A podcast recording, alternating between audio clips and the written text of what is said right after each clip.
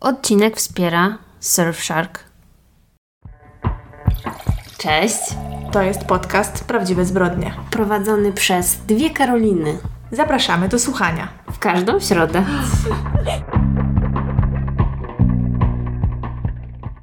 No i w końcu mamy wiosnę. Na jakiś czas może pożegnamy się z naszymi update'ami pogodowymi. Mogę I z kurtkami zimowymi. O tak, mogę tylko powiedzieć, że wczoraj wieczorem, jakoś przed godziną ósmą, jak szłam do paczkomatu w Tręczu, to naprawdę szłam i poczułam ten powiew wiosny. Wyobrażałam sobie siebie już wkrótce w ogródkach y, knajp i cieszącą się życiem i słońcem i było cudownie. W mojej wyobraźni oczywiście. I tego Wam życzę ciepła i słoneczka. Czyli co, ta piękna pogoda zmotywowała Cię do jakichś super y, aktywności w tym tygodniu? Jeżeli wyjście z domu nazywasz aktywnością, owszem. Nie no co, byłam na Pilatesie w tym tygodniu. W paczkomacie. Tak. Takie wiecie, dorosłe rozrywki, no. A ty jak spędziłaś ten tydzień? Też byłaś w paczkomacie może?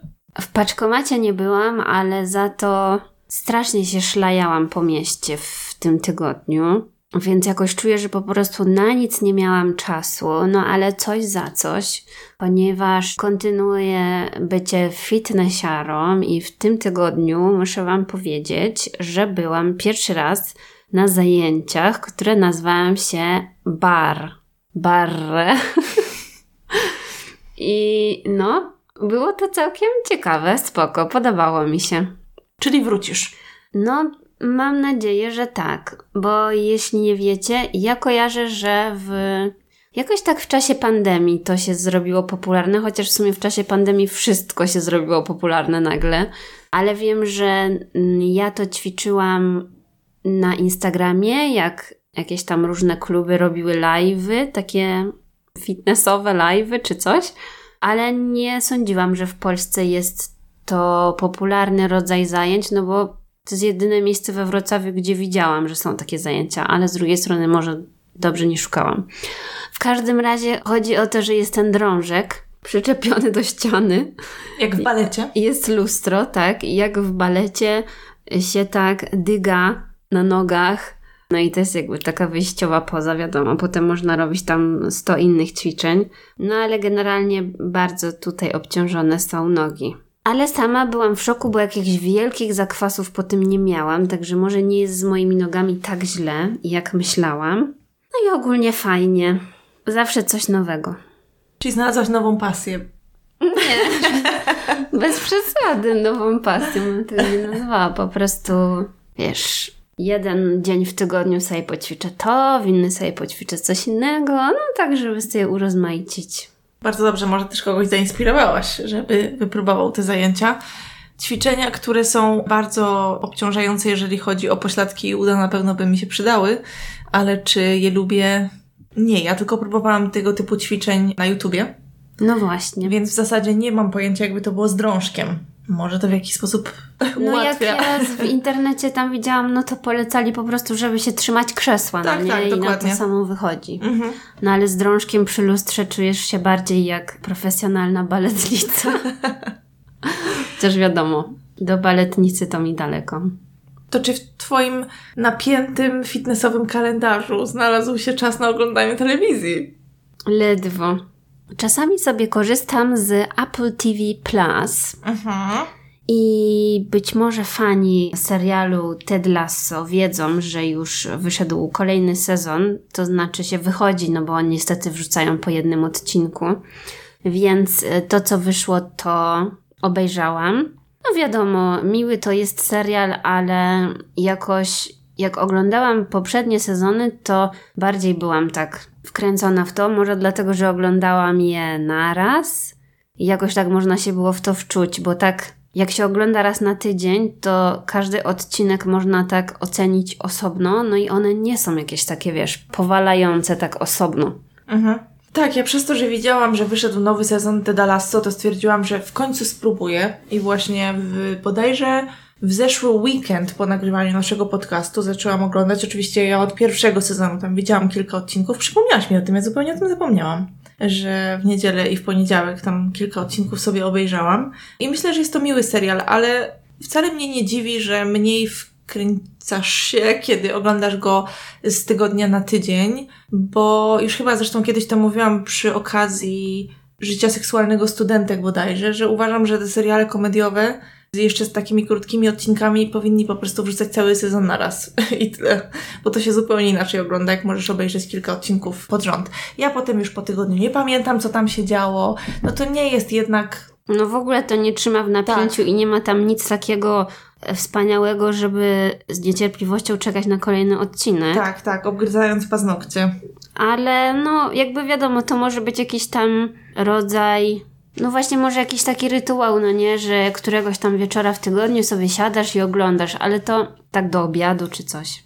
No w każdym razie na Apple TV jest inny serial, który jest yy, nawet bym powiedziała, że trochę lepszy od Teda Lasso, ale też z tego co czytałam, to jest twórców Teda Lasso, no bo jest tam podobny klimat takiego Mm, masz na myśli serial z Marszalem, z Jak poznałem waszą matkę? Tak, tak.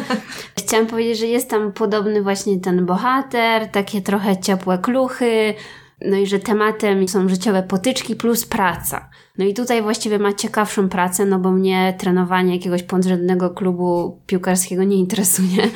A tutaj jest to psychoterapeuta. Serial nazywa się Shrinking, czyli Terapia bez trzymanki. Fantastyczny tytuł, jak zwykle po polsku.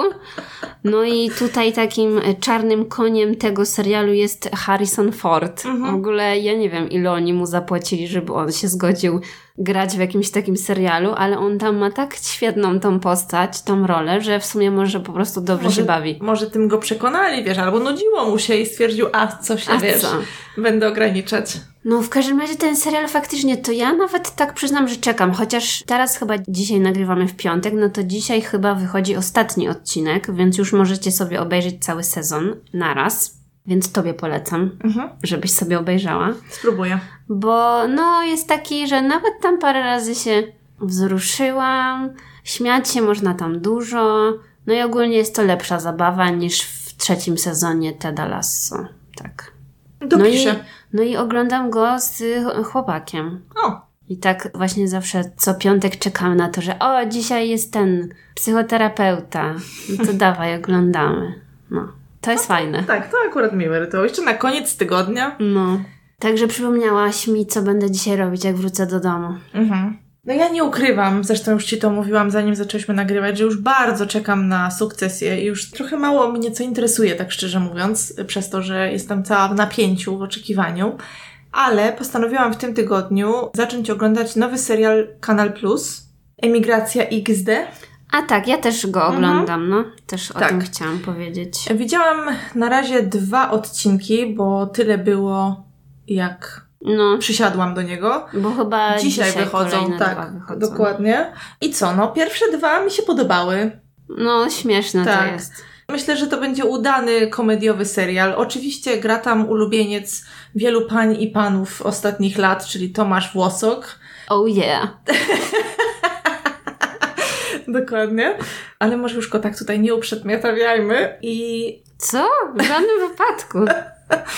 No, w każdym razie pamiętam jak wyszedł film Netflixa, jak pokochałam gangstera i po prostu wszyscy tylko chodzili i gadali mm. o Tomku z wywieszonymi językami. Szczerze mówiąc, ten film mnie trochę znudził i ja go w ogóle całego nie obejrzałam i trochę nie rozumiałam Poza Tomkiem oczywiście. Chyba tylko dla niego ludzie go oglądali, tak szczerze mówiąc. Mm. no. Za długi był ten film. Tak, ja tak. to tam straciłam zainteresowanie chyba po 30 minutach. Ja mam wrażenie, że ja go nawet do końca nie obejrzałam, wiesz? No. Także tutaj możemy sobie przybić piątkę. No ale tak jak Karolina powiedziała, jest to serial na razie bardzo zabawny, chwilami zbyt prawdziwy, mam wrażenie. No i na podstawie książki. Tak, tak. Malcolma XD. XD. Świetny przydomek artystyczny. Żałuję, że ja na to nie wpadłam. Jest genialny, tak. AC Carolina XD. Dokładnie. A poza tym też Malcolm nazywa się główny bohater. I ma przyjaciela Stomila. I serial opowiada o tym, że oni emigrują do Wielkiej Brytanii. Tak, ale przez te dwa odcinki do Wielkiej Brytanii jeszcze nie dotarli. Nie, i chyba jeszcze trochę im to zajmie z tego, co widziałam po zapowiedziach. Ale tak, no fajny to jest e, serial, żeby się trochę pośmiać. No i taki wiadomo, polski klimat. Bardzo, bardzo polski. Wiadomo, to jest wszystko też w takim e, krzywym zwierciadle, powiedziałabym. Ale na pewno jest wiele rzeczy, które każdy z nas kojarzy mhm. z prawdziwego życia. Z racji tego, że Kilka razy wyszłam w domu w tym tygodniu i jeszcze mogę Wam przypomnieć o podcaście, którego czasami słucham. Przyznam, że mam takie zrywy, jeżeli o niego chodzi. I to jest e, podcast Studio 26, o którym już kiedyś e, wspominałam i on jest prowadzony przez e, Karę Becker i Maję Hitro i obie te panie są dziennikarkami. Prowadzą ciekawy, taki kulturalny, modowo-kulturowy podcast w zasadzie Zresztą one chyba same tak go opisują. Zapraszają też do swoich odcinków różnych gości. Na przykład była Zofia Chylak, była zresztą jedna z moich ulubionych autorek Karolina Sulej, o której e, książce mówiłam chyba wielokrotnie, czyli Rzeczy osobiste, opowieści o ubraniach w obozach koncentracyjnych i zagłady. Ich odcinki są bardzo długie, to od razu Was uprzedzam, bo wiem, że mają takie odcinki, które trzy godziny potrafią trwać, dlatego że one najpierw omawiają dosyć szczegółowo książki, seriale, koncerty, płyty, których słuchały, czytały i tak dalej, a właśnie często jeszcze mają potem gości lub gościnie i stąd chyba długość też tych odcinków. Mhm. No dobra, to muszę posłuchać, bo zawsze jak przychodzi co do czego, to zapominam czego słuchać. Pewnie Można wy sobie... też tak macie. Myślę, że każdy tak ma. Można też sobie ten podcast podzielić. Ja w zależności od humoru czasami sobie słucham tych ich rozmów na temat tego, co się dzieje w świecie mody, albo o książkach, które czytały. Też korzystam czasami z ich poleceń, jeżeli chodzi o książki, a czasami słucham właśnie tych wywiadów, które przeprowadzają. A właśnie, a propos polskich podcastów, to przypomniałaś mi, że ostatnio słuchałam podcastu, który jest chyba jednym z najpopularniejszych polskich podcastów, to znaczy Raport o stanie świata Dariusza Rosiaka. A ja też to czasami słucham, no. Bo właśnie dowiedziałam się, że kiedy dzieją się jakieś rzeczy na świecie, jakieś takie trudne do zrozumienia, to tutaj pan Dariusz świetnie sobie radzi w objaśnianiu o co mhm. chodzi. Więc. Tak, nawet like zrozumie. Tak, więc właśnie słuchałam sobie tego odcinka z 18 marca, bo tam właśnie mówią o ekonomii i o świecie bankowym. Także no, jeżeli y, na przykład nie rozumiecie, co się dzieje obecnie z różnymi bankami, no to warto posłuchać, bo dowiedziałam się z tego sporo. Mhm. Także fajne. Muszę tego słuchać częściej, to może będę sprawiała wrażenie bardziej inteligentnej i obeznanej. I jeszcze co do tego, co ostatnio mówiłaś o Dateline. Mhm. No to tak, słuchałam tego podcastu o Pam. No to wiadomo, fajny. Ale też przez to w ogóle przypomniało mi się, albo po prostu sprawdziłam na Spotify, ile tych podcastów ma Dateline. Mhm. I tam tak naprawdę każdy odcinek jest fajny. Więc jak nie macie czego posłuchać po angielsku, no to zapraszam, bo tam oni mają tych historii kryminalnych po prostu tysiące i jeszcze jak zaczęłam sobie tam googlować, to się okazuje, że oni na przykład mają monopol na jakieś sprawy. Mhm.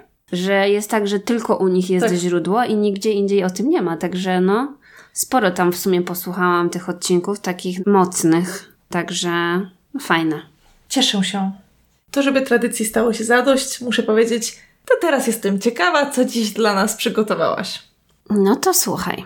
W środku nocy 24 maja 1987 roku 23-letni Kenneth Parks wsiadł do samochodu, pojechał 23 km ze swojego domu w Pickering w Ontario w Kanadzie do domu rodziców swojej żony, którzy mieszkali w Scarborough.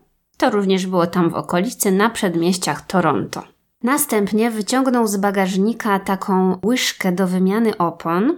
Wszedł do domu swoich teściów. Oni nazywali się Barbara i Dennis Woods. Otworzył drzwi wejściowe do ich domu kluczami, które miał, bo miał swój zestaw takich zapasowych kluczy.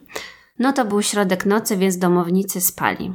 Po wejściu do domu skierował się prosto do sypialni i zaatakował ich. Najpierw y, teściową wielokrotnie uderzył tą łyżką do opon i też dźgnął ją kilka razy nożem kuchennym. Rzucił się też na teścia i jego próbował udusić, aż on stracił przytomność. Po wszystkim Ken bo tak będę na niego mówić, pojechał samochodem na posterunek policji. Wszedł na posterunek o godzinie 4.45, był cały we krwi, także od razu tam policjanci pracujący no byli w szoku, nie wiedzieli co się dzieje. I Ken powtarzał w kółko, że chyba kogoś zabił. Mówił tak: O mój Boże, właśnie kogoś zabiłem. To wszystko moja wina. Chyba kogoś zabiłem i tak dalej, no nie? Ken nie zauważył nawet, że ma przecięte ścięgna na obu rękach i dlatego też krwawił. Zazwyczaj tego typu obrażenia powodują ogromny ból, a on nie zdawał sobie z tego sprawy.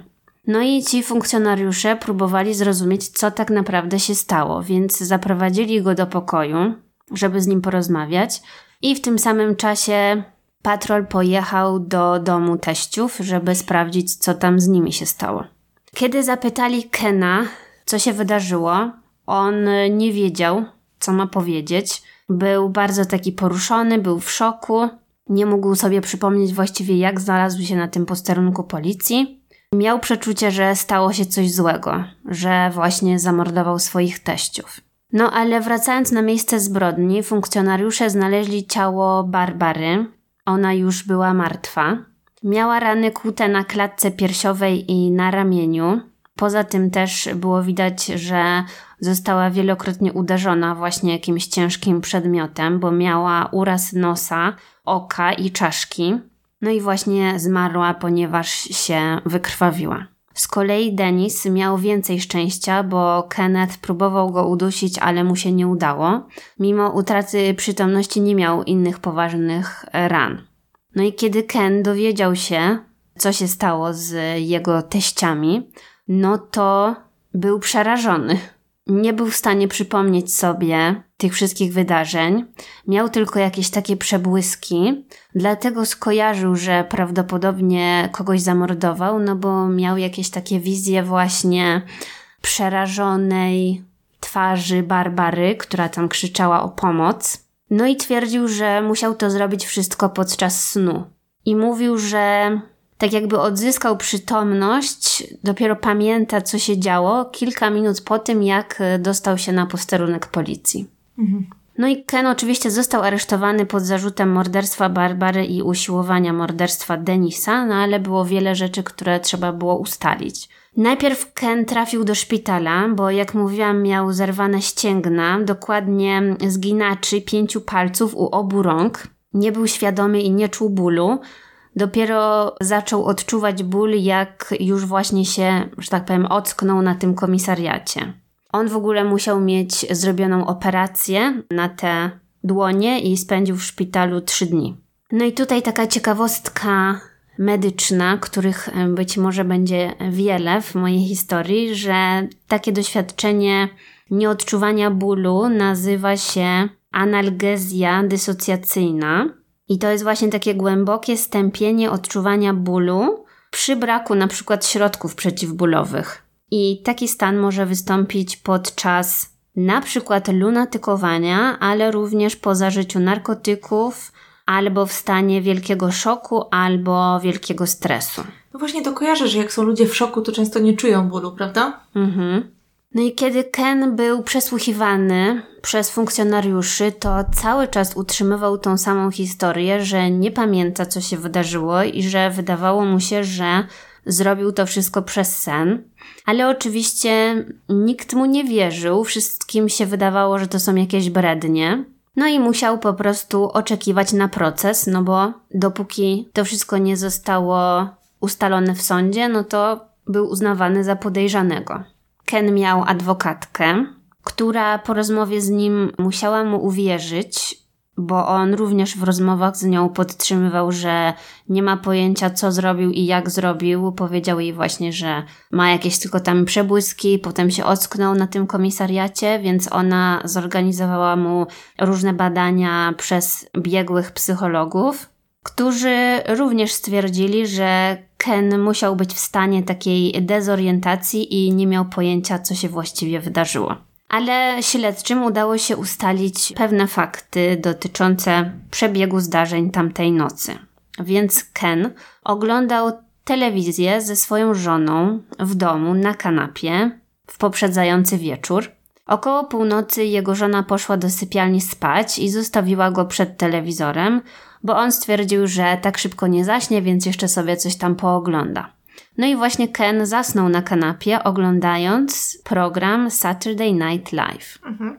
Następnie około 1.30 musiał wstać, założyć buty, wyjść z domu.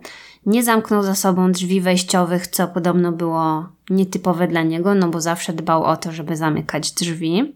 Wsiadł do samochodu i pojechał do domu tych teściów. Co było te dwadzieścia parę kilometrów, więc powiedzmy, że w tym stanie, jak on utrzymuje nieświadomości, musiał sporą drogę przejechać, bo ta podróż musiała trwać jakieś 15 minut. I jak zauważono, na tej trasie są trzy skrzyżowania ze światłami, co też mogłoby być jakieś no, problematyczne, prawda? No i otworzył ich drzwi swoim kluczem, wyciągnął ze swojego bagażnika tą łyżkę do opon, potem wszedł na górę, no i jak mówiłam, przeszedł do tego ataku. Udało się im ustalić, że najpierw musiał zaatakować Denisa, którego dusił. Poza tym też Denis miał na swoim ciele rany kłute, więc jego również musiał tym nożem zaatakować. Ale właśnie Denis stracił przytomność, więc wtedy Ken zaczął atakować e, Barbarę. Jedno narzędzie z broni to była ta łyżka, która była z jego bagażnika, a ten nóż kuchenny musiał być wzięty właśnie z domu teściów z kuchni. I jak udało im się ustalić, jeden z ciosów nożem przeszedł prosto przez jej serce i właśnie dlatego zmarła właściwie na miejscu. Ken, cały we krwi, następnie zszedł na dół, a jeszcze nie powiedziałam, że to małżeństwo miało również nastoletnie córki, które w tym czasie też przebywały w domu i były w swoich sypialniach. I one usłyszały te straszne dźwięki, bardzo się wystraszyły i chowały się w swoich pokojach, no bo wiadomo, bały się, że im też może się coś wydarzyć. I one zeznały, że Ken powiedział, coś tam mruczał pod nosem i wydawało im się właśnie, że mówi coś w stylu dzieci, dzieci. Nie wiem, czy on jakby je wołał, ale przez to, że one nic nie powiedziały, siedziały cicho, no to on tak jakby zawrócił i wyszedł z domu. O, czyli może być tak, że cudem uszły z życiem. Właśnie może tak być, no. Podobno w samochodzie zorientował się, że trzyma nóż w ręce i że jest cały we krwi, więc ten nóż wyrzucił i wtedy postanowił pojechać na najbliższy posterunek policji. Ale w pełni ocknął się dopiero tam. Mhm. Okej. Okay. Bliscy Kena byli w szoku, kiedy dowiedzieli się, co się stało. Jego żona Karen której to właśnie byli rodzice, nie mogła uwierzyć, że on by coś takiego zrobił, bo byli w bardzo dobrych relacjach. Ken traktował ich jak swoich rodziców, oni traktowali go jak syna, nie było w ogóle żadnego powodu, żeby do czegoś takiego doszło.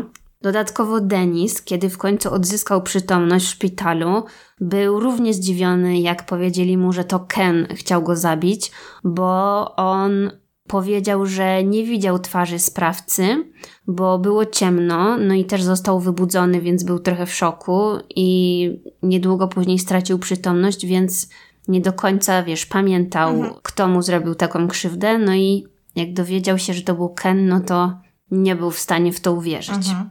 Ale śledczy, kontynuując swoje śledztwo, dowiedzieli się trochę złych rzeczy na temat Kena, bo jak się okazuje, on był nałogowym hazardzistą. Hmm. Niespełna rok wcześniej Ken wkręcił się w obstawianie gonitw na wyścigach konnych, co spowodowało u niego poważne problemy finansowe. Bardzo szybko miał coraz więcej długów. Doprowadziło to do tego, że ukradł od swojego pracodawcy 32 tysiące dolarów. Kiedy w marcu tego roku, właśnie 87, w pracy dowiedzieli się, że on podkradał pieniądze, no to został zwolniony i oskarżono go o kradzież. Więc jakby było postępowanie prawne rozpoczęte, oni co prawda nie chcieli go stawiać przed sądem, ale po prostu zwolnili go. Mhm. No i to spowodowało wiele problemów w, jego życiu prywatnym, w rodzinie. Borykali się, bo tak naprawdę wykończył wszystkie rodzinne oszczędności. Mieli w planach też sprzedać dom, żeby jakoś on mógł wyjść na prostą, także no mogło tutaj być nieciekawie. No i policja uważała, że to mógł być jakiś motyw. Ale z drugiej strony nikt nie rozumiał, co dałoby mu zamordowanie Barbary. No mhm. bo ona konkretnie jakby, wiesz, nie miała z nim żadnych takich powiązań, że nie wiem, na przykład byłaby jakaś polisa ubezpieczeniowa czy cokolwiek, no nie. Poza tym problem był w tym, że właśnie wszyscy mówili, że oni mieli wszyscy świetne relacje. Ta Barbara nawet e, tak pieszczotliwie nazywała go łagodnym olbrzymem, ponieważ Ken był takim no bardzo dużym mężczyzną, ale był, jak to wszyscy mówili, taki wiesz, duży, ale potulny jak baranek. Do tego Ken przy każdym przesłuchaniu, a oni go, wiesz, próbowali przesłuchiwać na wszystkie sposoby, jak się domyślam, cały czas mu zadawali te same pytania, żeby złapać go na jakimś tam błędzie, a on twardo cały czas obstawiał przy swojej historii, cały czas e, powtarzał te same szczegóły, więc ciężko było mu udowodnić, że kłamie. Więc według Kena on właśnie zasnął przed telewizorem. Potem, jak przez mgłę, miał właśnie jakieś takie flashbacki z twarzy Barbary, a potem jedyne co pamiętał to rozmowę z policjantem na komisariacie właśnie. No i jedyne wyjaśnienie, jakie Kenowi przychodziło do głowy, to to, że musiał lunatykować i zrobił to wszystko przez sen. No i tak coraz więcej osób zaczęło się zastanawiać, czy to może być prawda, czy można w ogóle popełnić morderstwo podczas takiego epizodu lunatykowania. No i teraz chwila przerwy na definicję. Lunatykowanie to właściwie taki termin potoczny, bo profesjonalnie nazywa się to epizody somnambulizmu i one pojawiają się w trakcie snu wolnofalowego, to znaczy NRM. I to występuje najczęściej w pierwszej połowie nocy, głównie tak godzinę albo dwie po zaśnięciu. I człowiek, który jest w trakcie takiego epizodu, nie odzyskuje świadomości, ale działa w taki sposób automatyczny. No i ten automatyzm to jest też jakiś rodzaj definicji, w sensie nie chodzi tutaj o takie potoczne bycie na automacie, tylko tak dosłownie, jakby, że, no nie wiem, jest to jakaś tam powiedzmy praca mózgu, mhm. jakiś taki proces, który jest dosłownie automatyczny. Więc człowiek wtedy właśnie ma otwarte oczy, zachowuje taki powierzchowny kontakt, więc może się wydawać właśnie, że jest przytomny, ale tak naprawdę działa nieświadomie, nie rozpoznaje ludzi i co najważniejsze, po przebudzeniu nie pamięta, co robił. No, oczywiście to jest bardziej charakterystyczne dla dzieci, bo teoretycznie dorośli już tak często nie doświadczają takich epizodów. Tutaj fun fact, jak byłam mała, to właśnie lunatykowałam. Tak? Mhm. No proszę. Pamiętam, że jak chyba miałam jakieś 5 czy 6 lat, albo może i mniej, nie wiem, to to znaczy dużo takich było momentów, ale jeden, który pamiętam najbardziej, to, że o, może trochę creepy, ale że obudziłam się bez spodni od piżamy mhm. i okazało się, że one są w koszu na śmieci w kuchni. może cię denerwowały. Nie sądzę, żebym robiła takie rzeczy. Ja tylko pamiętam no, takie standardowe, że na przykład się płacze przez sen, prawda? Albo, mm. no ale to co innego. No szkoda, że tego tak dobrze nie pamiętam, ale wiem, że tak trochę się bałam, no bo takie chodzenie przez sen jest no. takie trochę dziwne. Jeszcze dla dziecka po ciemku sama świadomość to tak no. nieprzyjemnie. Mhm. No i jeszcze muszę Wam powiedzieć o fazach snu. Więc nie wiem, czy wiesz, Karolino, że każdy sen zaczyna się właśnie fazą NRM, czyli to jest ta faza wolnych ruchów gałek ocznych. I ona zwykle trwa jakieś tam 80 do 100 minut, i po tym czasie wchodzimy w fazę REM, i ona jest krótka, bo trwa jakieś 15 minut. No i cały ten cykl powtarza się na przykład 4 albo 5 razy w ciągu nocy, w zależności od tego, jak długo śpimy, no bo wtedy im dłużej śpimy, no to te fazy mogą się wydłużać. Więc tutaj w tej sprawie też jest istotne, że po tej fazie NRM trzeba wejść w tą fazę REM. Mhm. A jeżeli jest jakieś zaburzenie, no to właśnie możemy mówić o tych różnych zaburzeniach snu, które są nieprawidłowe. Do wystąpienia właśnie takiego epizodu lunatykowania mogą przyczynić się różne czynniki zewnętrzne, na przykład stres albo brak snu, nadużywanie alkoholu albo jakichś leków działających na psychikę, albo też nadmierne zmęczenie. No i tutaj w przypadku Kena to mogłoby się zgadzać, ponieważ w okresie poprzedzającym to straszne zdarzenie Ken był pod wpływem ogromnego stresu. Bo poza tym, co już mówiłam, to jeszcze niedawno, bo w grudniu 86 roku urodziła im się córka. Więc życie z noworodkiem wiadomo, ludzie są pozbawieni snu. No i też on odczuwał większą presję, żeby zapewnić rodzinie byt i jakiś stały dochód pieniędzy. No tak, a w zasadzie niedawno go naraził. No dokładnie. Ten byt, że tak powiem. Ale w ogóle to za skomplikowana sytuacja. Załóżmy, że jest to prawda. Lunatykował podczas tego epizodu. Zamordował swoją teściową. Z żoną właśnie urodziło im się niedawno małe dziecko. Strasznie w ogóle koszmar. Co nie? No.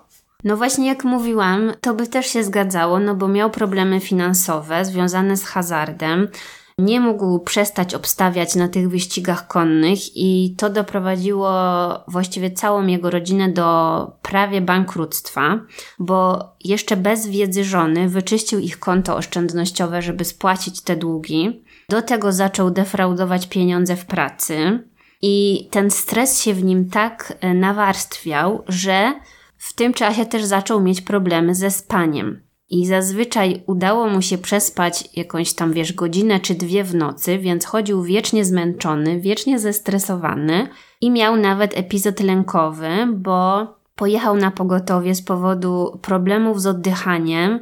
Mówił, że właśnie nie może oddychać, że odczuwa takie kłucie w klatce piersiowej, że wymiotuje. No i sprawdzili go, zrobili mu tam jakieś różne badania, które nic nie wykazały, więc no to się też zgadza z jakimś takim napadem lękowym, prawda? Więc już było widać, że jego psychika jest obciążona. Dodatkowo, kiedy jego żona dowiedziała się o skali tych problemów finansowych i o tym, że właściwie wszystko to się wiąże z jego hazardem, no to wybłagała go, żeby poszedł na spotkania anonimowych hazardzistów. I tam właśnie kilka dni przed tymi zdarzeniami, na jednym z tych spotkań, ludzie tam powiedzieli mu, że dobrze by było, że wiesz, już jest na takim etapie, żeby podzielił się ze swoimi najbliższymi swoimi problemami, żeby wszyscy wiedzieli, co się z nim dzieje. No i też, żeby mógł tym samym może poprosić o pomoc. I też z żoną się dogadał właśnie, że powie członkom rodziny o tym wszystkim, co się zdarzyło, więc jakby żona też wywierała na nim presję, że musi powiedzieć, musi się ogarnąć i tak dalej. Więc podobno miał się spotkać ze swoją babcią w sobotę 23 maja, żeby jej o tym powiedzieć. A na niedzielę mieli zaplanowane też przyjęcie rodzinne, znaczy się jakiś tam po prostu rodzinny obiad. I tam właśnie miał powiedzieć rodzicom żony o swoim hazardzie i o tych wszystkich problemach. Uh. Więc to miał być właśnie taki znaczący weekend. No i Ken na pewno bardzo się stresował, bo nie wiedział, jak jego najbliżsi na to zareagują. No i właśnie wtedy, z soboty na niedzielę, doszło do tego morderstwa. Czy to jest przypadek? Nie sądzę. Ken został oczywiście zbadany przez biegłych neurologów i psychiatrów przed procesem. Zrobiono mu skany EEG podczas snu, które wykazały, że owszem, on doświadcza nietypowej aktywności mózgu podczas tej fazy głębokiego snu i też ma okresy częściowych przebudzeń, co świadczy o czymś takim jak parasomnia, czyli to są zaburzenia snu. I to w skrócie oznaczało, że jego mózg chciał się obudzić od 10 do 20 razy w ciągu nocy, prosto z tej trzeciej fazy snu. Czyli jego mózg tak jakby nie chciał wejść w tą ostatnią fazę. I jak udowodniono, nie ma w ogóle możliwości, żeby wyniki swoich badań EEG zafałszować w jakiś sposób, więc to po prostu były fakty. Mhm. Niepodważalne. Po analizie tych wyników e, lekarze, ci biegli, byli skłonni wierzyć, że faktycznie Ken spał podczas tej jazdy samochodem i podczas popełnienia morderstwa. Bo, jak mówiłam, Ken musiał zasnąć około 1.30. Dotarł na posterunek policji o 4.45, więc jeśli by to obliczyć, to jego epizod lunatykowania musiał wystąpić w przeciągu pierwszych trzech godzin snu, czyli to by się zgadzało z tą teorią, że to się właśnie wtedy dzieje. I tutaj lekarze wydali mu taką oficjalną diagnozę, że ma parasomnię, czyli zaburzenia snu. Łącząc to jeszcze z jego predyspozycjami, powiedzmy takimi osobistymi, czyli przeanalizowali historię jego życia, jakieś tam związki rodzinne i tak dalej, no to byli w stanie też to dopasować do skłonności z lunatykowaniem właśnie, bo jak dowiedzieli się, w dzieciństwie Ken bardzo długo moczył łóżko, dokładnie do 11 roku życia. I często zdarzało mu się mówić przez sen, co oznaczało, że miał taki bardzo głęboki sen i rzadko pamiętał swoje sny i w ogóle pamiętał to, co się działo w nocy, kiedy następnego dnia się budził. Też mówił, że często budził się w nocy spocony, bardzo zestresowany, szybko mu biło serce, no i to oznaczało, że doświadczał takich lęków nocnych. Co prawda lekkich, ale wciąż. Więc wszystko to wskazywało na to, że on ma faktycznie jakieś problemy, jeżeli chodzi o ten sen. Dodatkowo jego matka powiedziała, że kiedy Ken miał jakieś 13 lat, to w nocy weszła do niego do pokoju, żeby zobaczyć, czy wszystko w porządku, i zobaczyła, że on prawie wyszedł przez okno z szóstego piętra. No i właśnie wtedy lunatykował. Co prawda, matka mówiła, że to jest jedyny przypadek lunatykowania, jaki mogła sobie przypomnieć z jego życia, ale no wciąż dość intensywny. Okazało się również, że członkowie rodziny Kena też mieli skłonności do lunatykowania, bo na przykład jego dziadek podobno chodził po domu w trakcie nocy i gotował jedzenie. Akurat dosyć przydatne na następny dzień. No tak, ale wiesz, potem się budził i nic z tego nie pamiętał. Nie no jasne i przy okazji można przez przypadek dom z dymem puścić. No. Przerażające. Dodatkowo ludzie, którzy go znali na co dzień, twierdzili, że Ken nie był osobą agresywną, właściwie wręcz przeciwnie, był bardzo miły, nigdy nie nadużywał alkoholu ani narkotyków. Zawsze mówił dzień dobry. Mhm. Też zrobili mu testy, kiedy przyszedł w ogóle na ten komisariat i nie był pod wpływem żadnych substancji. Jedyne, co wykazały te testy psychologiczne dodatkowego, to, że miał jakieś tam objawy depresji i lęku, ale nie można było tu mówić o żadnych chorobach psychicznych czy psychozach. I to też było istotne, jeżeli chodzi o jego tam dalszy proces. I co ciekawe, też y, współwięźniowie, którzy przebywali z nim w areszcie, zauważyli, że Ken zachowuje się dziwnie w nocy, bo na przykład budzi się, siada na łóżku, gada do siebie, a potem idzie spać i rano nic z tego nie pamięta. Ale to były takie scenki odgrywane No, na potrzeby procesu. Wiadomo. No w każdym razie po dokładnym zbadaniu tego przypadku wydaje mi się, że wzdłuż i wszerz, bo nawet sporo takich artykułów naukowych już potem na podstawie tej sprawy powstało, no to ci biegli nie mogli znaleźć innego wyjaśnienia niż to, że Ken faktycznie musiał doświadczać tego epizodu somnambulicznego, czyli po prostu lunatykować. Jego proces rozpoczął się w roku 90. Nie. Jego proces rozpoczął się w roku 89. Wiedziałam. Chciałaś powiedzieć 98. Ale nie wiem, może mnie ktoś zbadać, dlaczego ja zawsze mylę dziewiątkę z ósemką? Zawsze. To prawda. Może to ma związek z lunatykowaniem też. W każdym razie, prokuratura miała tutaj ciężki orzech do zgryzienia, ponieważ w tej sprawie tak naprawdę nie widać żadnego jawnego motywu, dlaczego Ken miałby Barbarę zamordować. Osoby z jego otoczenia nie miały nic złego na jego temat do powiedzenia, więc też tutaj nie mogli budować jakiegoś tam, wiesz, jego obrazu jako jakiegoś agresywnego, skłonnego do morderstw i tak dalej. Rozumiem, że jedyne czym mogli go oczernić to uzależnienie. No tym hazardem. No. Mhm. Z kolei obrona postawiła na obronę na lunatykowanie. Szok. Mhm. Oni mieli za zadanie przekonać ławę przysięgłych, że Ken nie był przytomny podczas popełnienia morderstwa. I właśnie argumentowali to w ten sposób, że on działał automatycznie, tak jak zakłada ta definicja lunatykowania. I w związku z tym nie powinien być uważany za odpowiedzialnego w takim rozumieniu karnym, bo nie był świadomy tego, co robi, bo nie miał nad sobą pełnej kontroli. Dodatkowo przytoczyli też 35 innych case'ów somnambulizmu homicydalnego, czyli no dobra, wiadomo o co chodzi. Y, so, no, ale to jest ciekawe słowo. Znałaś takie? Homicydalny? Nie. W każdym razie jest takie słowo. No, przytoczyli takie 35 innych spraw, w których lunatykowanie jakby wzięło udział w jakichś sprawach karnych, no nie? Mhm. Udowadniając tym samym, że przypadek Kena nie jest właściwie jedyny w swoim rodzaju, to nie jest nic nowego. Żaden precedens, tak? Mhm. Podczas procesu zeznawała jego żona Karen. Ona trzymała jego stronę, wspierała go podczas procesu, więc myślę, że to też było znaczące. Mówiła, że podczas jakby wiesz, życia z nim zauważyła, że ma problemy ze snem, że mówi przez sen i jakby no, że coś w nocy się z nim dzieje, no ale wiadomo, nigdy do takiego stopnia.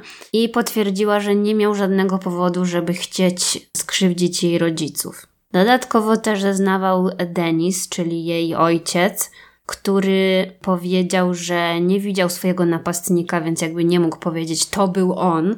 I też potwierdził, że nie było między nimi żadnych konfliktów i on nie widzi powodu, dla którego on miałby chcieć go zabić, nie? Strasznie mi szkoda tej rodziny. I faktycznie, jeżeli doszło do tego lunatykowania, a na razie wszystko, co mówisz, to potwierdza, to straszne. Oni wszyscy na jakąś terapię powinni pójść, bo to jak żyć w ogóle dalej po czymś takim? Mhm. No, oczywiście podczas procesu też obrona przedstawiła całą tą historię rodziny Kena, że też były tam przypadki lunatykowania. Poza tym ci wszyscy biegli, wypowiadali się i jakby wszyscy potwierdzali, że tak, mogło się to wydarzyć, tak, zrobiliśmy mu takie i takie testy, wiadomo, wszystko to zostało też powiedziane.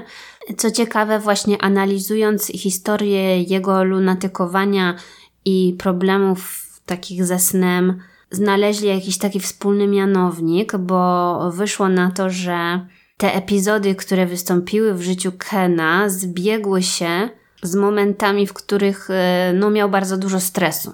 Więc to też jakiś tam, powiedzmy, sens miało. No i teraz taka ciekawostka na temat Saturday Night Live, bo jak mówiłam, on ten program oglądał jak zasnął.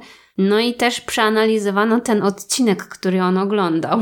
I na przykład psychologowie uznali, że te treści, jakie on zobaczył w tym programie, mogły też w jakiś tam sposób, nie wiem, czy tam triggerować go, to może za dużo powiedziane. W każdym razie były tam jakieś takie wątki agresywne, bo na przykład w tym odcinku prowadzący opowiedział historię o tym, że pewnego razu, jak był pod wpływem narkotyków, wybiegł na ulicę i krzyczał: Jeśli masz zamiar mnie zabić, zabij mnie w ten sposób, zabij mnie nago. Znaczy, rozumiem, że to był jakiś taki sketch, no ale jakby on to usłyszał, tak? I też w tym odcinku była pokazana końcowa scena z filmu Easy Rider.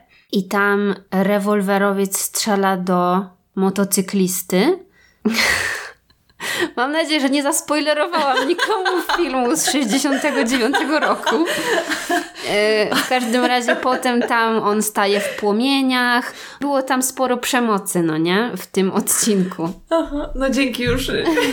Ten film nie będzie. No i oni tak, wiesz, już wyciągali może jakieś tam trochę naciągane wnioski, że no w związku z tym, że on zasnął i ostatnie co widział to były takie przemocowe sceny w telewizji, no to może też gdzieś tam mu to w głowie zostało. Nie wiadomo. No i wszyscy eksperci, a było ich aż pięciu, zeznali, że Ken musiał spać w trakcie popełnienia morderstwa i że nie znaleźli u niego żadnych innych zaburzeń poza zaburzeniami snu. I obrona właśnie we współpracy z tymi biegłymi doszła do wniosku, że to, co się stało, to był wynik połączenia wielu czynników. Bo też był jeszcze taki wątek, że Ken miał u swoich teściów naprawić piec. I że niby oni też twierdzili, że może nie wiem, rozmawiali z żoną o tym i przez to, że on zasnął, no to tak mu się ubzdurało w głowie, że on do tych teściów musi pojechać ten piec naprawić. Mhm. Też był jakiś taki wątek. Czyli już tu, rozumiem, dopisywali historię jak mogli. Może. Dodatkowo wiadomo, że był bardzo zestresowany tą swoją sytuacją. No i że to całe połączenie różnych czynników, pewnie jeszcze dorzucili do tego ten agresywny program w telewizji i jego predyspozycje do lunatykowania, no to wszystko doprowadziło do tego, co się stało. Ale mówili o tej kombinacji dlatego, żeby to też miało wpływ na jego ewentualny wyrok, bo to może też są zbyt jakieś tam techniczne szczegóły, w każdym razie oni nie wnosili o to, że on jest niepoczytalny generalnie, bo nie chcieli, żeby na przykład trafił do ośrodka zamkniętego, żeby był poddany na przykład tam, wiesz, leczeniu wiele lat czy coś, bo oni chcieli udowodnić, że to była jednorazowa akcja, która się wydarzyła z powodu jakichś tam okoliczności. Jest bardzo mało prawdopodobne, żeby to się kiedykolwiek powtórzyło. No tak, że nie zagraża społeczeństwu tak, tak, tak, i że tak. to była chwilowa niepoczytalność. Yy... No, coś takiego. No ale kiedy prokuratura tam, wiesz, weszła na scenę, no to oni byli po prostu oburzeni tym wszystkim, co oni tam wygadują. Próbowali to wszystko obalić, ale raczej nieskutecznie, no bo oni na przykład mówili, że ale ten epizod lunatykowania y, to zazwyczaj jest krótszy i że trwa od 10 do 40 minut, a tutaj u tego Kena wychodzi na to, że on miał epizod trwający 3 godziny. No ale jakby ci eksperci powiedzieli, że no w niektórych przypadkach może być dłuższy, więc jakby to do niczego nie doprowadziło. Też prokuratura twierdziła, że wszystkie te jego czynności sprawiają wrażenie zaplanowanych, że są zbyt takie szczegółowe, żeby przejechać tym samochodem, zatrzymywać się na światłach, żeby wyciągać jakieś przedmioty z samochodu, potem w kuchni, potem coś tam. Oni twierdzili, że to jest wszystko zbyt takie wyrachowane, wykalkulowane ale wciąż brakowało im tutaj udowodnienia, że Ken miał jakikolwiek motyw. No i na tym właściwie proces się zakończył, już chyba żadnych innych ciekawostek tam nie mówili. No i co, łała przysięgłych obradowała przez 9 godzin i jak myślisz, jaki był wynik? Ja myślę, że uniewinnieli. Mhm. Czy też przystali na to, co sugerowała obrona. Może w ten sposób. Tak, Ken został uznany za niewinnego popełnienia morderstwa i usiłowania morderstwa. I to było dość, no, nietypowe, żeby w ogóle do takiego wyroku doszło. Ale nie wiem, czy to ze względu na jego wyrzuty sumienia. W każdym razie, podobno godzinę po usłyszeniu tego werdyktu, Ken przyznał się do popełnienia przestępstwa finansowego. W związku tam z tą jego pracą, no nie? Okej, czyli chciał jakąś karę ponieść. Tak. Otrzymał trzy miesiące w zawieszeniu i miał oczywiście oddać pieniądze temu swojemu byłemu pracodawcy. No tam próbowano się buntować w sprawie jego wyroku, ale jakiś tam jeszcze wyższy sąd zdecydował, że podtrzymuje ten wyrok, więc Kenowi nic nie grozi już. Biedna Barbara. Tak, no i teraz jak myślisz, czy małżeństwo przetrwało tą wielką próbę? Wiesz, jeżeli ona go w sądzie broniła, to może. No nie. Cztery lata po zakończeniu sprawy rozwiedli się. A to i tak długo wytrzymali. No. Nie no, dlatego właśnie tak przeżywałam, gdy opowiadałaś tą historię, bo wydaje mi się, oczywiście, no nigdy na całe szczęście nie byłam w takiej ani w innej podobnej sytuacji, ale wydaje mi się, że to jest zbyt ciężkie, żeby sobie z czymś takim poradzić. Po prostu No. nawet jeżeli masz dla kogoś po prostu morze miłości, zrozumienia, wsparcia, nie wiem, czy coś takiego jest w stanie przeskoczyć po prostu, naprawdę. Zabił twoją matkę. No. Ja w ogóle nie wiem, jak on był w stanie ze No sobą właśnie, żyć, prawda? Nie? Jeżeli to faktycznie jest prawda i wcale na przykład nie, nie zrobił wszystkich w konia, to właśnie jak on ma z tym żyć? I jeszcze ona, no to jest za dużo jakichś takich emocji, których wydaje mi się nie pozbędziesz się. Nieważne ile terapii yy, Mhm. odbędziesz, prawda? Także No z tego co wiem, leczenie Kena polegało na tym, że dostawał jakieś leki jakby psychotropowe na sen, no nie? Rozumiem. Żeby nie wiem, mieć pewność, że nie wiem, nie obudzi się. tutaj dochodzi też kwestia tego dziecka, prawda? Czy na przykład ona się nie bała zostawić z nim dziecka i tak dalej. No to naprawdę wiele takich kwestii, które myślę, że naprawdę ciężko przepracować. No w ogóle spać z nim w No. jednym pokoju, w ogóle w jednym domu, a tak, Tak. albo w promieniu iluś tam kilometrów od niego. No naprawdę. No, ale Ken ułożył sobie życie na nowo, bo ponownie się ożenił i dorobił się jeszcze piątki dzieci. Co?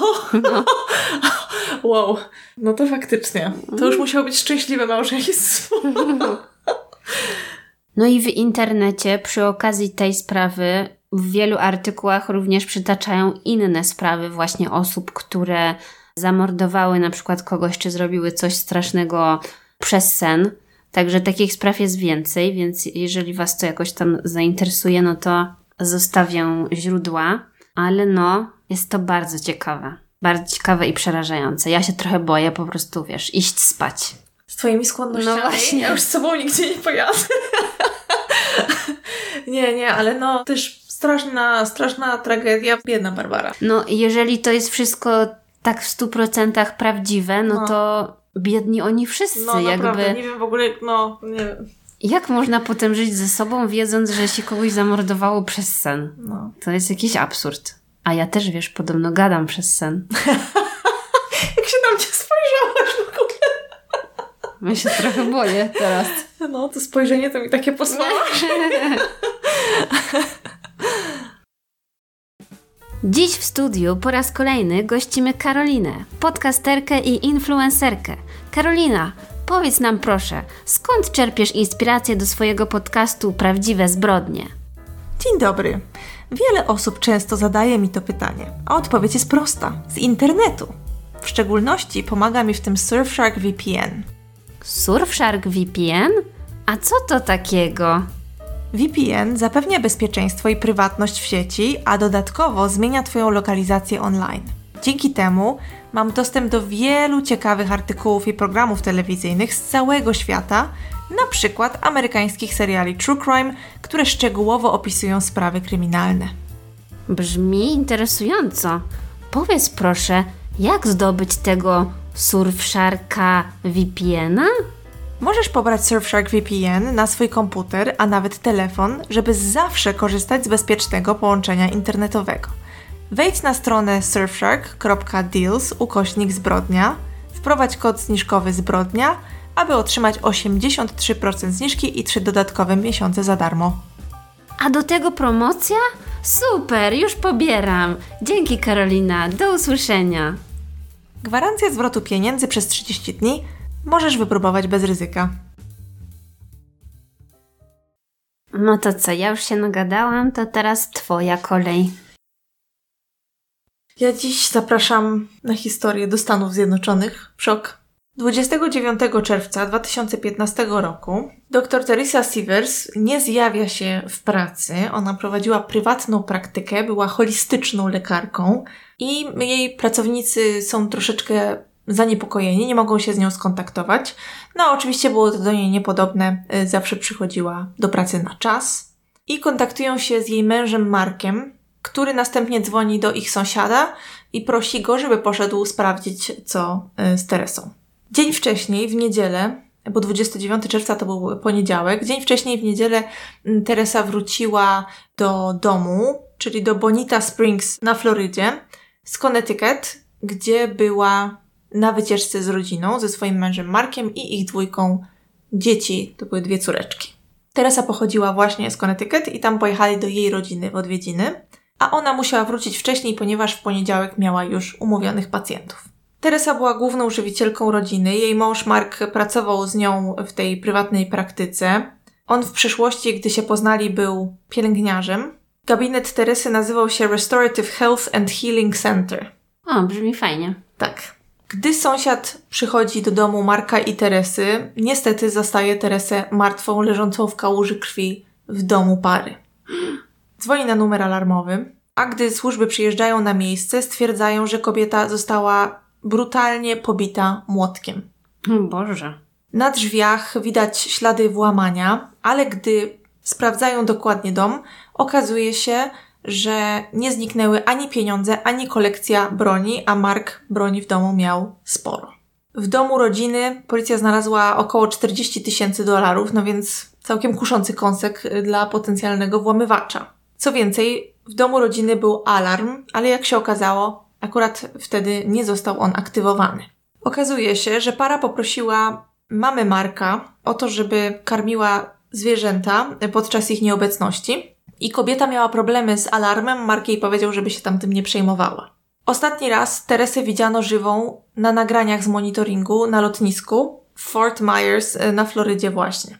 Ona oczywiście też poinformowała swojego męża, że bezpiecznie dojechała i policja stwierdziła, że morderca musiał zaczaić się na nią w domu. Tak naprawdę nie było żadnych punktów zaczepienia. Rozmawiali oczywiście z bliskimi, z sąsiadami, z pracownikami Teresy. No i dowiedzieli się, że Teresa miała dosyć wybuchowy charakter, w pracy potrafiła krzyczeć na swoich pracowników, a potrafiła też podnosić głos na pacjentów. Natomiast nie można było jej odebrać tego, że była bardzo zaangażowana w leczenie swoich pacjentów. Bardzo jej zależało, jak to powiedziała jej pracownica, nie pozwalała pacjentom mówić, że nigdy nie wyzdrowieją, że nigdy, wiesz, nie wyjdą mm. ze swoich problemów, wręcz przeciwnie.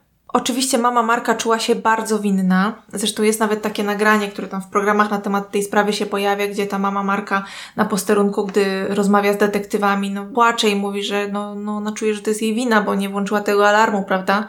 I ktoś się włamał, no oni oczywiście jej mówią, że no nie może się za to obwiniać, ale domyślam się, jak musiała się okropnie czuć. Mark oczywiście wraca ze swoimi dziećmi, zostaje przesłuchany, współpracuje z policją, proponuje, że odda im swój telefon, rozmawia z nimi bez prawnika. No, wszyscy jakby chętnie policji chcą pomagać. Pojawiały się też takie pogłoski, że Teresa mogła zginąć w związku z dziwnymi śmierciami innych lekarzy, którzy prowadzili takie alternatywne terapie właśnie w różnych miejscach w Stanach Zjednoczonych. Uuu. Tak. No ale tutaj nie było żadnych y, dowodów, które popierałyby tą teorię, także ona nie została potraktowana chyba poważnie, no bo tak jak mówię, nic nie wskazywało na to, żeby faktycznie do czegoś takiego doszło. Osiem dni po morderstwie odbywa się pogrzeb kobiety, na którym oczywiście zjawia się mnóstwo osób, także bardzo dużo jej pacjentów. I ponoć Mark na ten y, pogrzeb przyszedł z pistoletem. Co? Tak, miał normalnie, wiesz, kaburę przypiętą do paska. No nie wiem, może bał się mordercy, może chciał bronić swoje dzieci przed, wiesz, potencjalnym atakiem. Ciężko, ciężko stwierdzić, ale tak, dosyć dziwne. Pojawia się tutaj też wątek y, tych pracowników, o których wcześniej mówiłam, y, że Teresa potrafiła na swoich pracowników krzyczeć. Siostra Teresy miała powiedzieć detektywom, że kobieta, która pracowała w prywatnej praktyce, ona miała na imię Sandra, publicznie narzekała na Teresę. Również do pacjentów. Natomiast Sandra twierdziła, że no pacjenci sami słyszeli, jak Teresa potrafiła się w stosunku do niej zachować, e, czy też jak potrafiła się do niej odnieść. I swoją drogą, ponoć Sandra miała plan złożyć wypowiedzenie właśnie w tamtym tygodniu, kiedy dowiedziano się, że Teresa nie żyje. Mhm.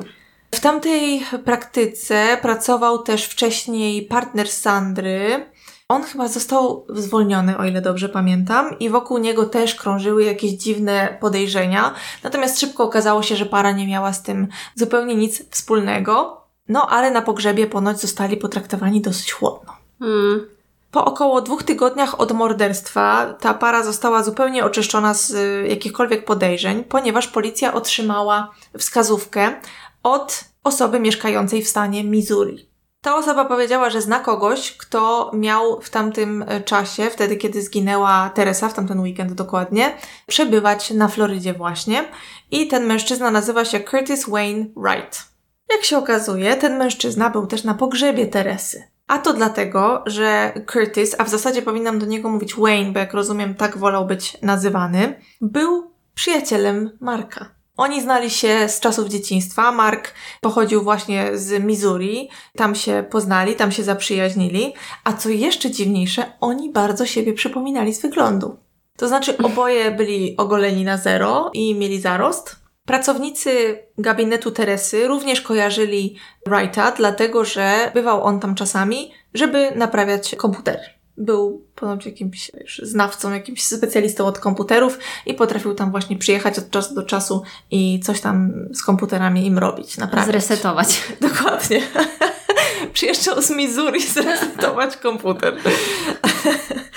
tak. Mm, gdy policja go sprawdza, okazuje się, że mężczyzna miał już do czynienia z organami ścigania i wkrótce pojawia się kolejne nazwisko Jimmy Ray Rogers. I według informacji, które otrzymała policja, ta dwójka miała wspólnie udać się na Florydę w weekend, w który zginęła Teresa. Ciekawa jestem, kto takie im informacje dawał? No właśnie, to był znajomy. Zadzwonił na policję któregoś tam wieczora, około dwa tygodnie po morderstwie, no bo o tej sprawie było dosyć głośno, to też może dlatego, że Teresa, tam gdzie mieszkała, była dosyć znana. Ona robiła różne wystąpienia, nagrywała filmiki na temat y, swojej pracy i tego holistycznego podejścia do zdrowia. A jak rozumiem, Wayne miał mówić ludziom ze swojego otoczenia w Missouri, że wybiera się na Florydę. Mm. Więc to nie była jakaś super skryta, wiesz, tajemnica, tylko po prostu on iluś tam osobom miał o tym powiedzieć. Więc połączyli fakty, bo jeżeli znali tego Wayna, on przyjaźnił się przez lata z Markiem, no to myślę, że nie tak trudno było dodać, wiesz, tutaj dwa do dwóch. Mhm. Detektywi z Florydy udają się do Missouri właśnie, do miejsca, które nazywa się Hillborough, gdzie mieszka Wayne. Gdy rozmawiają z nim, ten twierdzi, że był chory, potem twierdzi, że pracował tam nad swoim samochodem, coś tam w nim grzebał, no i generalnie na żadnej Florydzie nie był. Gdy rozmawiają z Jimim, ten w ogóle nie chce z nimi gadać, bo oczywiście policji nie lubi i mówi, że z Wayne'em też nie gada, bo on jest nerdem. a jak panowie się poznali? A poznali się w więzieniu. Mm. Jak rozumiem, Wayne trafił do więzienia za posiadanie narkotyków, Jimmy też już kilkukrotnie w swoim życiu wpadał w kłopoty z prawem. Chodziło tutaj o posiadanie broni na przykład, czy kradzieże. Poza tym, Jimmy miał też bardzo ciekawe przezwisko. Ponoć sam o sobie mówił The Hammer, czyli... czyli co? MC Młotek. Dokładnie. A czym zamordowana została pani doktor? Młotkiem. No właśnie. Policja pokiwała głową, wróciła do siebie, czyli na Florydę, no bo tak naprawdę w tamtym momencie nie mieli za bardzo za co zaaresztować mężczyzn, ale dzięki nakazowi byli w stanie przeszukać, a także przejąć GPS-a z samochodu, który stał pod domem Wayna. Na początku nie byli pewni, czy będą w stanie odzyskać dane z GPS-u, dlatego że ponoć zostały one usunięte, no ale tam oczywiście odpowiedni specjaliści się tym zajęli i udało się odzyskać informacje, gdzie Wayne jeździł. Udało się prześledzić trasę samochodu, który 27 czerwca, to była sobota, najpierw miał odjechać spod domu Wayna Wrighta pod dom Jimmy'ego Rogersa, a następnie udać się na Florydę właśnie i końcowym adresem miał być adres w Bonita Springs na Florydzie, dokładnie Jarvis Road, gdzie mieścił się dom rodziny Sievers. O, o. Tak. Oczywiście dzięki GPS-owi policja też wiedziała, gdzie mężczyźni dokładnie zatrzymywali się na trasie, a także zauważyli, że zatrzymali się w lokalnym Walmarcie. Udali się do tego Walmartu i tam detektywi odnaleźli nagranie z monitoringu, który zarejestrował wizytę mężczyzn, na którym widać jak kupują podejrzane rzeczy, na przykład worki na śmieci czy zestaw do otwierania zamków. Proszę. Tak i jeszcze trochę innych różnych y, ciekawych rzeczy, które mogłyby im się y, przydać na przykład przy usuwaniu śladów y, z miejsca zbrodni. Mhm. I oni w Walmarcie byli w dzień, kiedy Teresa wracała do domu, czyli 28 czerwca w niedzielę. Zaopatrzeni już w te wszystkie dowody, detektywi są w stanie w końcu dokonać aresztowania mężczyzn i udają się do Missouri właśnie w tym celu. Co więcej, rozmawiają z dziewczyną Jimmy'ego, ona miała na imię Taylor, zresztą jak rozumiem była w ciąży w ogóle w tamtym momencie. I Taylor wyznaje detektywom, co się stało, wyznaje, że Jimmy przyznał jej się, że zamordował kogoś będąc na Florydzie. Taylor też jest w stanie zabrać policję w miejsce, gdzie mogą znaleźć dowody tej zbrodni, na przykład kombinezon, który Jimmy miał na sobie w chwili popełnienia morderstwa, ponieważ wyobraź sobie, że on ją poprosił, żeby ona wyrzucała różne rzeczy, które właśnie miał ze sobą w dzień, kiedy zamordowano Teresę, z okna samochodu jadącego, żeby pozbyć się dowodów.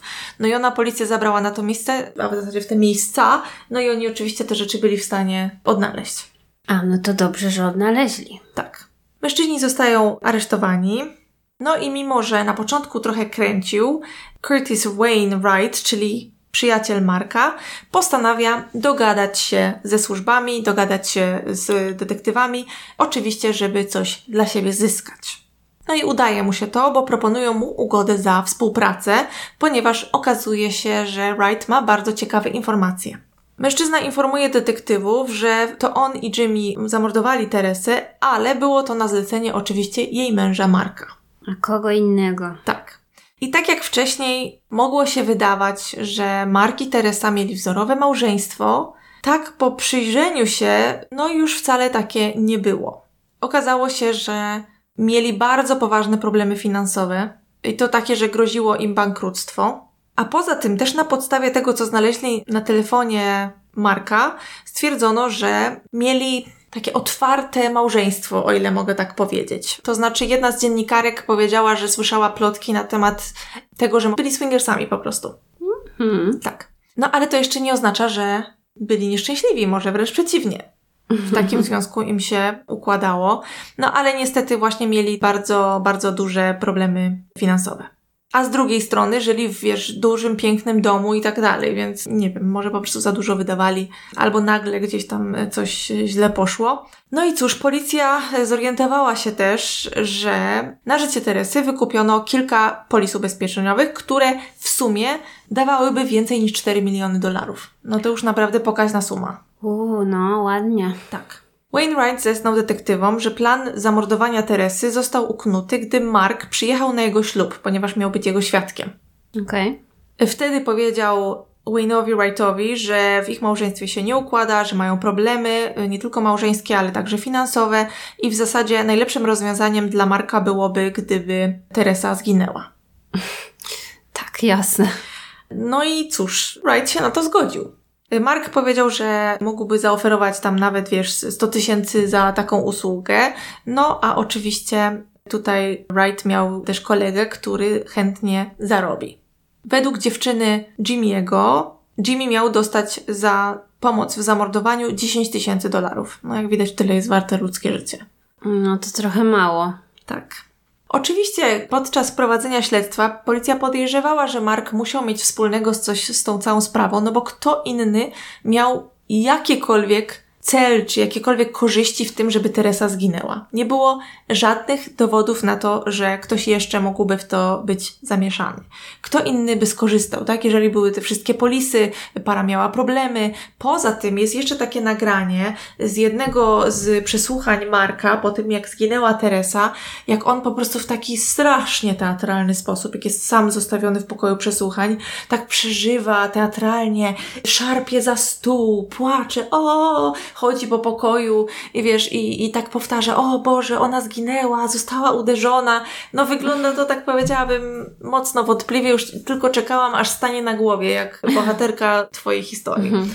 No zresztą policjanci w jednym z programów, który widziałam na ten temat, mówili wprost, że dużo reakcji ludzi widzieli, których y, bliskim coś się stało, no i to było takie dosyć mocno naciągane. No ale mhm. z drugiej strony zawsze powtarzamy, że ciężko tutaj stwierdzić, prawda, jak ktoś zareaguje. No, ale właśnie dzięki temu, że Wright miał dosyć mocno wykształcony instynkt samozachowawczy, po kilku miesiącach udało się doprowadzić do tego, że on zeznawał przeciwko swojemu przyjacielowi Markowi. Swoją drogą, wiesz, jak oni się nazywali, że są braćmi z innej matki.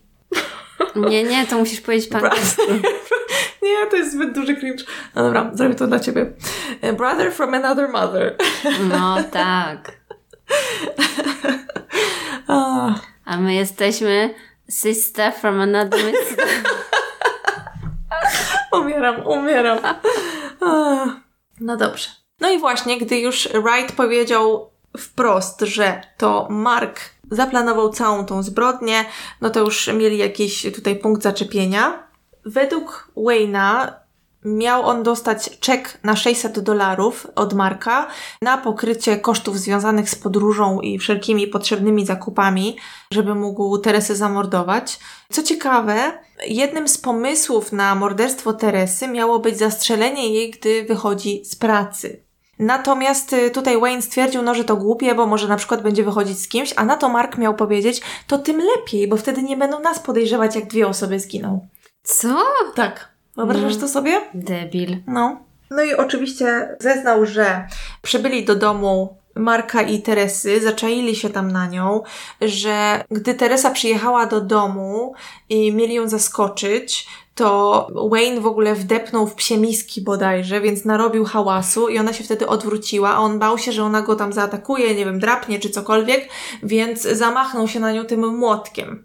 Jimmy oczywiście potem też dołączył i według Wayne'a Wayne musiał w pewnym momencie zatrzymać Jimmy'ego, bo on, wiesz, walił w nią w takim szale jakby już. Mhm. No i właśnie, dzięki ugodzie, którą zawarł Wayne Wright, yy, dostał on 25 lat za morderstwo drugiego stopnia. I można powiedzieć, że to była korzystna dla niego ugoda, dlatego że gdyby trafił przed sąd, miał normalny proces, no to groziłaby mu kara śmierci. Ale wiesz, co sobie pomyślałam, że chyba takich kapusiów to się nie lubi w więzieniu. No raczej nie, raczej nie, dokładnie. Swoich kumpli tak... Sprzedać. Mhm. Tak sprzedać, no to to... Nie no, oczywiście żartuję, jakby co. Ale jak mówiłaś, że są braćmi z innej matki, to chyba jednak nie. No właśnie, chyba jednak nie tacy bracia, prawda? No. Tak, i właśnie on przyznał się do winy, tak jak mówiłam, za morderstwo drugiego stopnia w lutym 2016 roku. Potem doszło do procesu Rogersa i oczywiście tutaj głównym świadkiem, główną gwiazdą na procesie Jimmy'ego był Wayne Wright, czyli jego wspólnik. I mimo, że najpierw Jimmy'emu groziła kara, nawet śmierci, ponieważ oskarżono go o morderstwo pierwszego stopnia. W końcu został skazany za morderstwo drugiego stopnia i kilka innych towarzyszących zarzutów na dożywocie. Wkrótce później odbył się proces Marka i tutaj obrona przybrała bardzo ciekawą strategię. Ponieważ obrona Marka, swoją drogą jego prawnik zrobił na mnie fatalne wrażenie w programach, tak szczerze mówiąc, ale nieważne.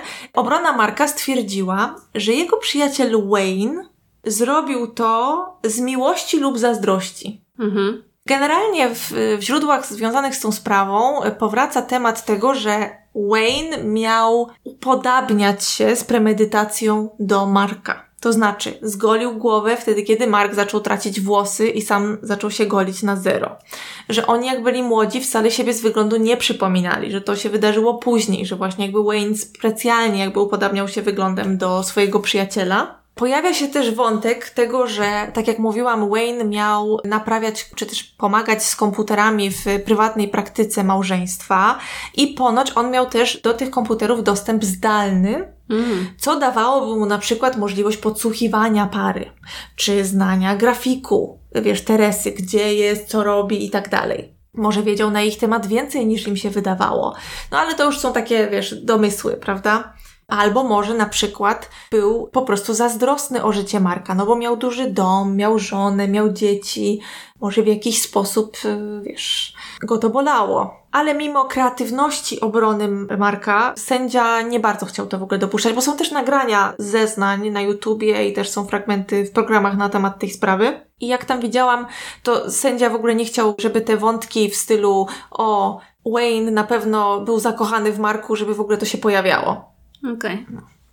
W grudniu 2019 roku Mark zostaje skazany za morderstwo pierwszego stopnia, a co więcej, prokuratura była tak przekonująca i oczywiście wszystkie dowody, które przedstawiono w tej sprawie, bo tutaj, jeżeli chodzi o dowody, pojawił się też wątek telefonów. Y, Kojarzysz to, co nazywają po angielsku burner phones, czyli powiedzmy takie telefony y, Na kartę. na kartę, tak, dziękuję, Boże, zapomniałam słowa. Mark i Wayne mieli takie telefony do takich, wiesz, tajemnych kontaktów i dawali sobie jakieś hasła, żeby dać sobie znać, żeby zaczęli używać tego właśnie, wiesz, telefonu na kartę, tak, żeby przez niego rozmawiali. Więc trochę takich różnych dowodów y, się zebrało i Musiały być one na tyle przekonujące, że ława przysięgłych nie tylko uznała jednogłośnie Marka za winnego, ale także zarekomendowali karę śmierci dla niego. Ojej. Tak. Przyznam, że mnie to trochę zszokowało. No, mnie też. Ale to Floryda, tak? Tak, tak, tak, dokładnie. I 3 stycznia 2020 roku sędzia skazał go na śmierć. No ale to się pewnie nie wydarzy. Nie, bo on pewnie On potem- spędzi w on- celi śmierci tam dużo Ileś czasu. czasu na pewno. On potem oczywiście składał apelację, natomiast jego wyrok został podtrzymany w 2022 roku. W ogóle widziałam, były jakieś artykuły właśnie z tych apelacji, podtrzymywania i tak dalej. Natomiast no pewnie to nie jest koniec, tak? Jeżeli chodzi o y, wyrok Marka, ale no zszokowało mnie to, bo też tak podkreślali, że jednogłośnie, że ława przysięgłych sama wyszła jakby, wiesz, z tą sugestią. No i dla mnie nadal, zresztą rozmawiałyśmy o tym wielokrotnie, przyznam, w ogóle ciężko mi sobie wyobrazić branie czegoś takiego pod uwagę. No ale to ludzie mieszkający na Florydzie widocznie No. mają inne Mm, podejście. Tak, tak, tak. No ja cieszę się, że w Europie nie ma takich rzeczy, ale no jest to naprawdę jakieś takie ciężkie do przejścia dla mnie. Oczywiście prawo do opieki nad dziećmi uzyskała mama Teresy. Jak rozumiem, tam wcześniej były różne sądowe procesy w tej sprawie. Wyczytałam też gdzieś, że mama Marka chciała się dziećmi opiekować, no ale tutaj to wygrała mama Teresy. No i cóż, na koniec jeszcze tylko, jak zwykle chciałam zwrócić uwagę na to, jak postęp techniczny jest y, w stanie nam pomóc, bo oczywiście tutaj ten GPS, tak, to odzyskanie danych y, jednak y, było bardzo ważne i bez tego ciężko pewnie byłoby znaleźć dowody, które obciążałyby Wayna i Jimmy'ego, a dzięki temu, że mieli tą ich trasę, to na przykład też byli w stanie odnaleźć nagrania z monitoringów ze stacji benzynowych i różnych miejsc, y, na których zatrzymywali się na trasie, żeby udowodnić, że faktycznie to byli oni, bo nie wiem w sumie, czy wspomniałam, że to auto, którym oni pojechali, jak rozumiem, było z wypożyczalni.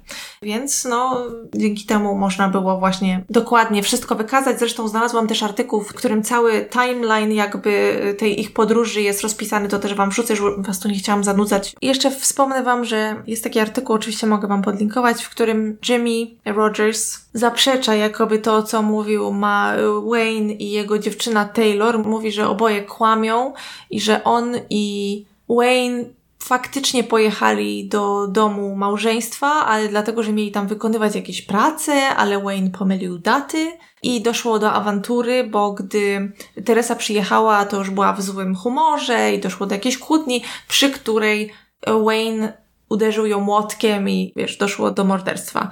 No ale wiadomo, on to też może mówić tylko po to, żeby mieć nowy proces, żeby się wybielić, no bo z drugiej strony jest jeszcze ta Taylor, prawda? Czy ona też by kłamała, czy szłaby, wiesz, no, no nie wiem. No komuś trzeba uwierzyć. Tak, no w każdym razie ci panowie twierdzą, że są niewinni. Jedyną osobą, która się przyznała jest Wainwright. No widzisz, a tacy przyjaciele byli, a jak przyjdzie co do czego, to każdy się potem na każdego odwraca. Instynkt przetrwania i samozachowawczy wygrywa. Dokładnie. No ale dobrze przynajmniej, że poniosą karę za to, co zrobili. Tak, no zobaczymy, czy dojdzie do spełnienia ich marzeń i do nowych procesów. No to dziękujemy Wam dzisiaj za uwagę. I do usłyszenia za tydzień. Do usłyszenia.